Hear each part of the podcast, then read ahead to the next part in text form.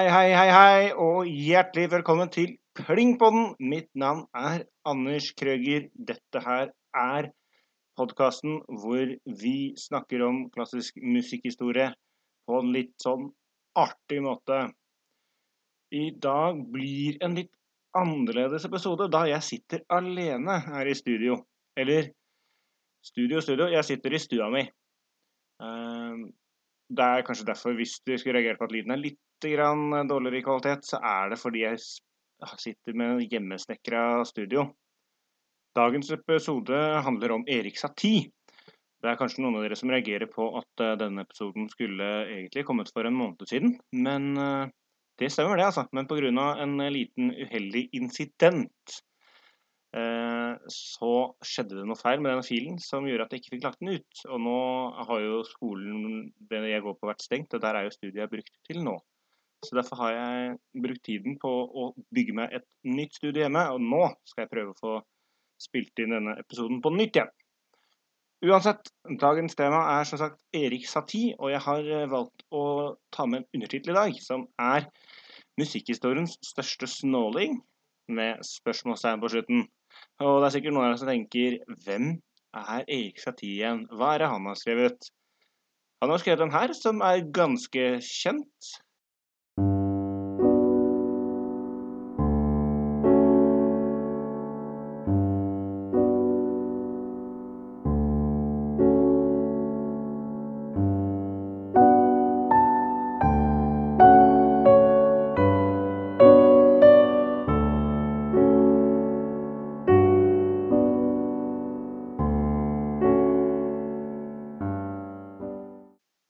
Ja, ja, ja. Vakre greier, det der, ja. Ja, Men nå skal vi gå inn på å snakke om livet hans. Og noen vil nok kalle han eksentrisk. Noen vil nok kalle han litt syk i hodet. Dette kan dere bestemme selv etter å ha hørt episoden. Erik Satie han ble født egentlig som Erik Alfred Leslie. 17. mai. Selveste 17. mai 1866 i Honfleur i Frankrike. Jeg er 100% sikker på at jeg uttalte det riktig. Eh, bare for å sette det inn i en historisk kontekst, så ble han da født rundt samme tid som eh, Debussy, Maler, Nilsen Sibelius og Richard Strauss. Eh, så men musikken han skriver, skiller seg nok ganske greit ut fra de vi nå nevnte. Det kommer vi også litt tilbake til. Uh, ja, Han ble da født i Honfleur, sagt, men mot slutten av den fransk-tyske krigen, altså da på starten av 1870-tallet, flyttet familien til Paris, hvor moren hans døde i 1872.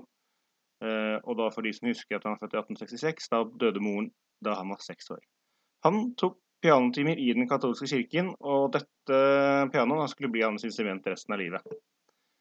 Da Satie var 13 år gammel, så ble han tatt opp på talentprogram på Musikkonservatoriet i Paris. Eh, et slags sånn komponisttalentprogram. da. Han ble kort tid etter han ble tatt opp stemplet som talentløs av professorene og akademikerne på skolen. Eh, ble da kastet ut, og etter det så gikk han inn i Forsvaret, men han likte seg ikke der heller. Eh, derfor klarte han å lure seg unna. Rundt 1890, nå er da Erik Satie rundt 24 år, ble, da, ble han da medlem av en kult som het Rosenkrantz. Denne kulturen dyrket middelaldersk tankegods, og musikken til Wagner sto veldig sterkt. Satie, eh, som ble en slags hoffpianist, skrev enkle stykker til ulike sammenkomster. Da.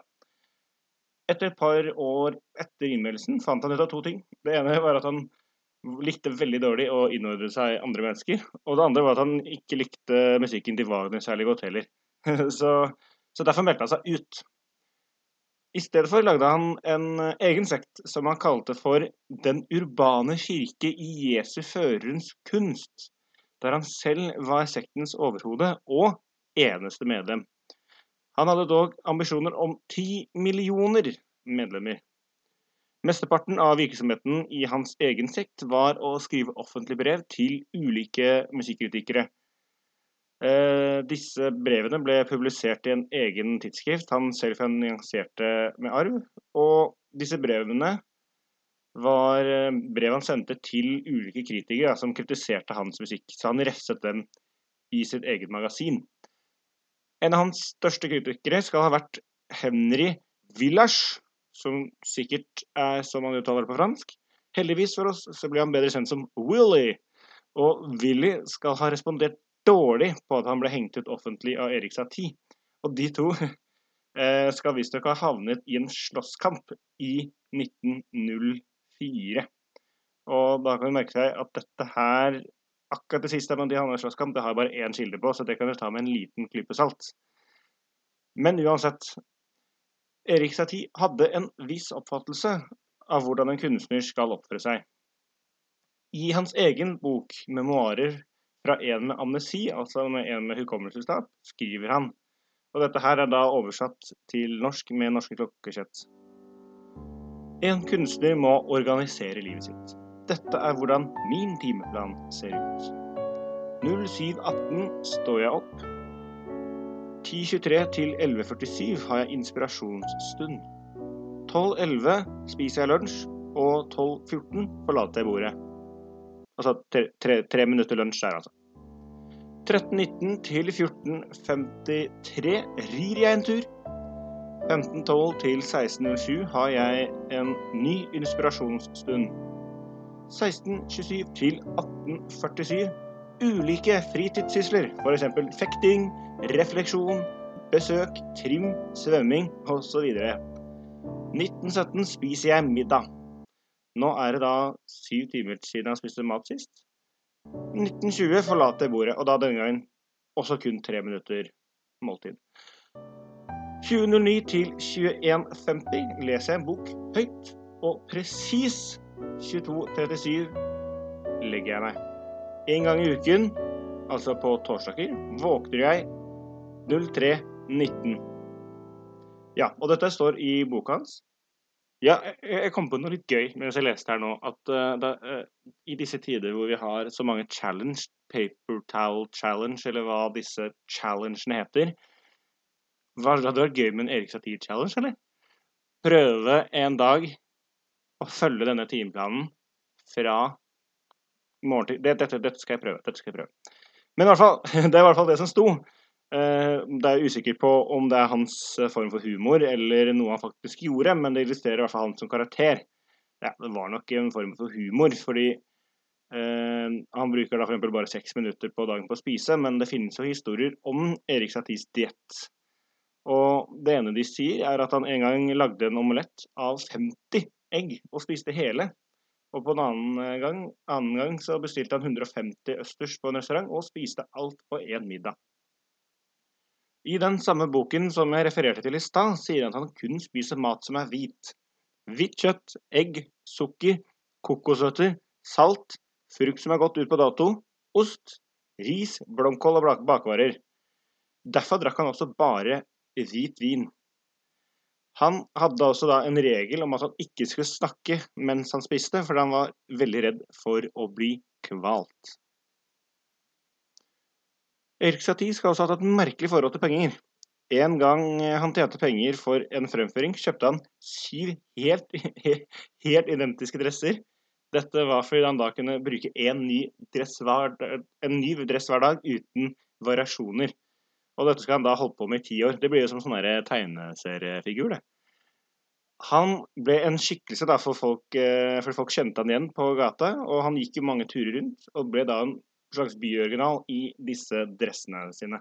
Han levde i et fattig strøk rett utenfor Paris. Det var ingen som fikk lov til å gå inn i leiligheten hans, som bare var ett enkelt rom.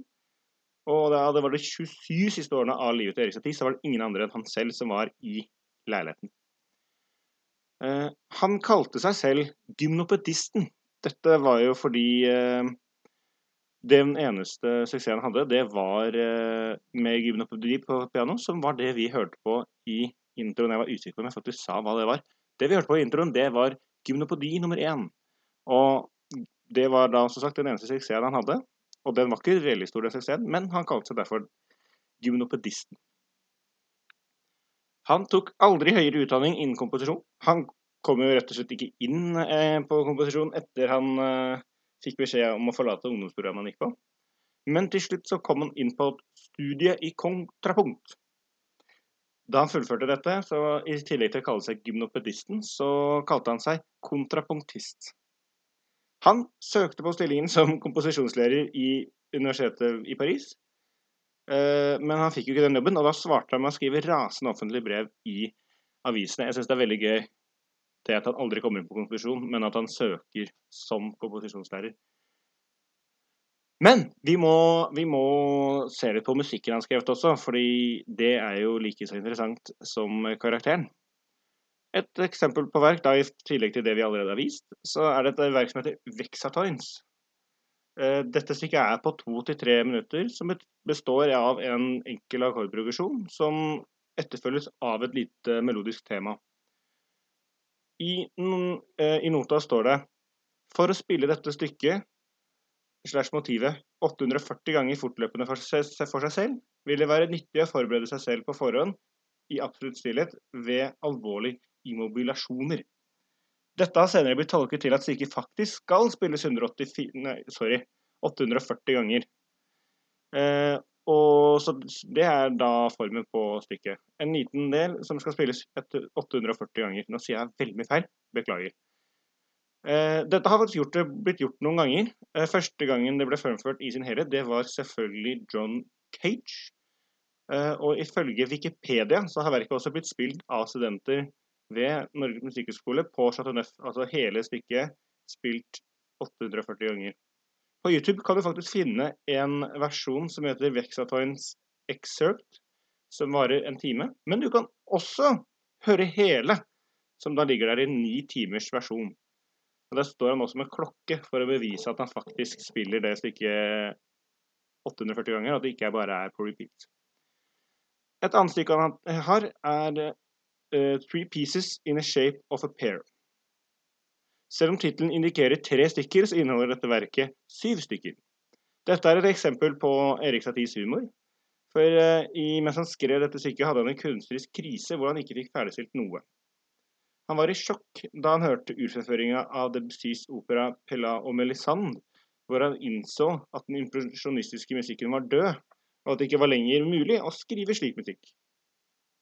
Historien sier at Debussy skal ha fortalt Satie å ha mer fokus på form når han skrev musikken sin. Han svarte med å skrive dette stykket, og da Debussy stilte spørsmål om tittelen, svarte han at ingen kan kritisere Satie for å være formløs nå. Nå har han jo faktisk et stykke i pæreform. Eh, eh, interessant nok så er jo også da det franske ordet for pære en slags fornærmelse på, på en av slang. Det er ikke sikkert at det var en fornærmelse til Satie eller til Debussy eller hva det var. Men eh, morsomt. Læl. Andre navn på stykker han har, dette er da oversatt til norsk, er eh, 'Byråkratisk eh, satire' fra 1917. Tro, 'To preluder for en hund' fra 1912. Og 'Nye kalde stykker' fra 1907. Da han var pianist, så var de aller fleste hans for solopiano, men han har i den enaktige operaen hans 'Parade' skriver han for orkester. Og Da nøyer han seg ikke bare med de eh, tradisjonelle orkesterinstrumentene, han trekker også inn sirener og skrivemaskiner. Denne operaen skal sies at det ble skrevet for å skape skandale. Her hadde han bl.a. med seg Picasso og Cocteau, og det var da sistnevnte som ønsket å lage, skape en skandale. Picasso lagde, tegnet da, eh, kostymer som var kubiske. Og det resulterte i at danserne knapt kunne bevege seg. Eh, for det var jo da selvfølgelig dansere med på denne operaen også. Og det var jo meningen. Da operaen fikk slakt i avisa, svarte Satie med å svare med et brev, hvor han kalte anmelderne et rasshøl. Eh, et rasshøl uten musikk, var vel det han skrev. Satie fikk åtte dagers fengsel for dette brevet, og Cocteau fikk også fengsel for å ha slått ned flere i rettssalen og ropt 'rasshøl' om og om igjen. Og det er så høy standard på disse gutta. Jeg, jeg elsker det. Eh, Satie ble en uh, talsmann for enkelheten i musikken. Han gjorde et opprør mot den tyske musikken, og da spesielt Wagner. Uh, men men han gjorde også et opprør mot musikken til Debussy, som faktisk var etter hvert en god venn av ham. Eh, musikken hans er da preget, for å være seriøs, da, så er musikken hans ofte preget av enkle, repetitive melodier og noen få akkorder. Og dette er jo veldig tydelig da i gymnopedi nummer én, som vi hørte i starten. Eh, I en alder av 44 år fikk han endelig en offentlig anerkjennelse. Etter at eh, Debussy lagde en versjon av Gymnopedi for orkester. Altså da Debussy orkestrerte, så det ble fremført for orkester. Debussy var eh, som sagt en god venn av Satie, selv om de var veldig uenige da, musikalsk. Og da Selv om nå Satie har fått en liten anerkjennelse som komponist, så var hans viktigste rolle i samfunnet å være en samtalepartner. For han var jo interessant å snakke med, tror jeg, og sikkert litt smart. Men eh, selv om ikke hans musikk alltid er veldig høyt ansett, eh, dessverre, så er mange av hans ideer banebrytende for musikk som er skrevet senere.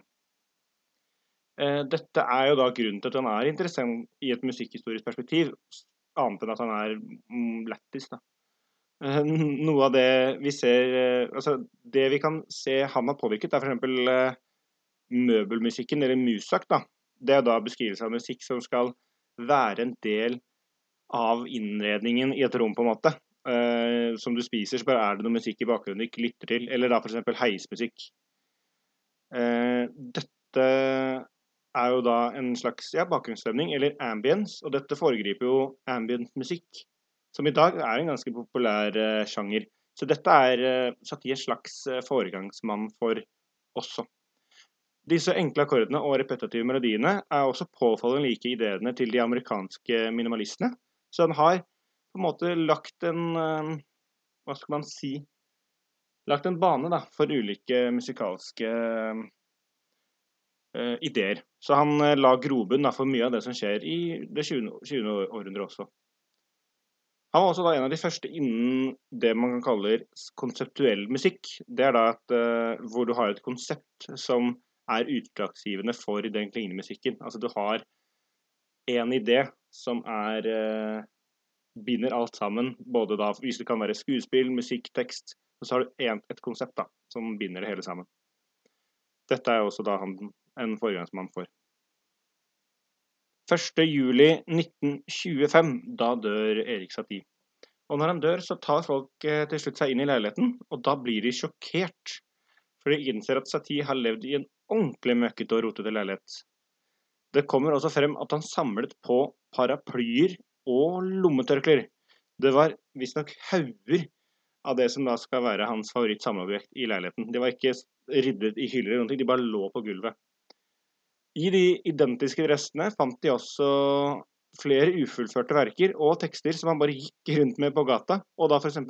Vexatoins, dette verket som skal spilles 840 ganger, det fant de også inne i jakkelomma hans. Så det var eh, en liten kort historie om livet til Erik Satie, så det er bare å stille seg spørsmålet er han musikkhistoriens største snolling.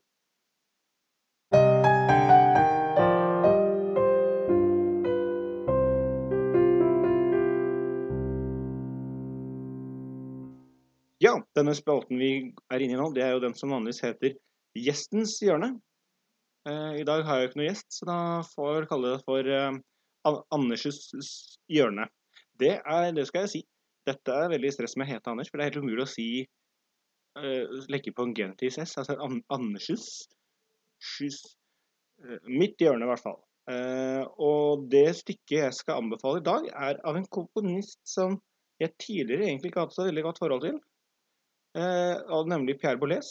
Men nå har jeg fått litt bedre forhold til han, altså. Det må jeg si. Uh, og da er det et stykke som heter Memoriale. Og hvis du Nå, skal jeg, nå, kommer jeg til å høres ut som en selger, men hvis du er en av de som tror du ikke liker Pierre Boulez, så hør i hvert fall på Memoriale. fordi der, der, tror jeg du kan høre stykket du blir overrasket over. Altså. Det er veldig, veldig fint.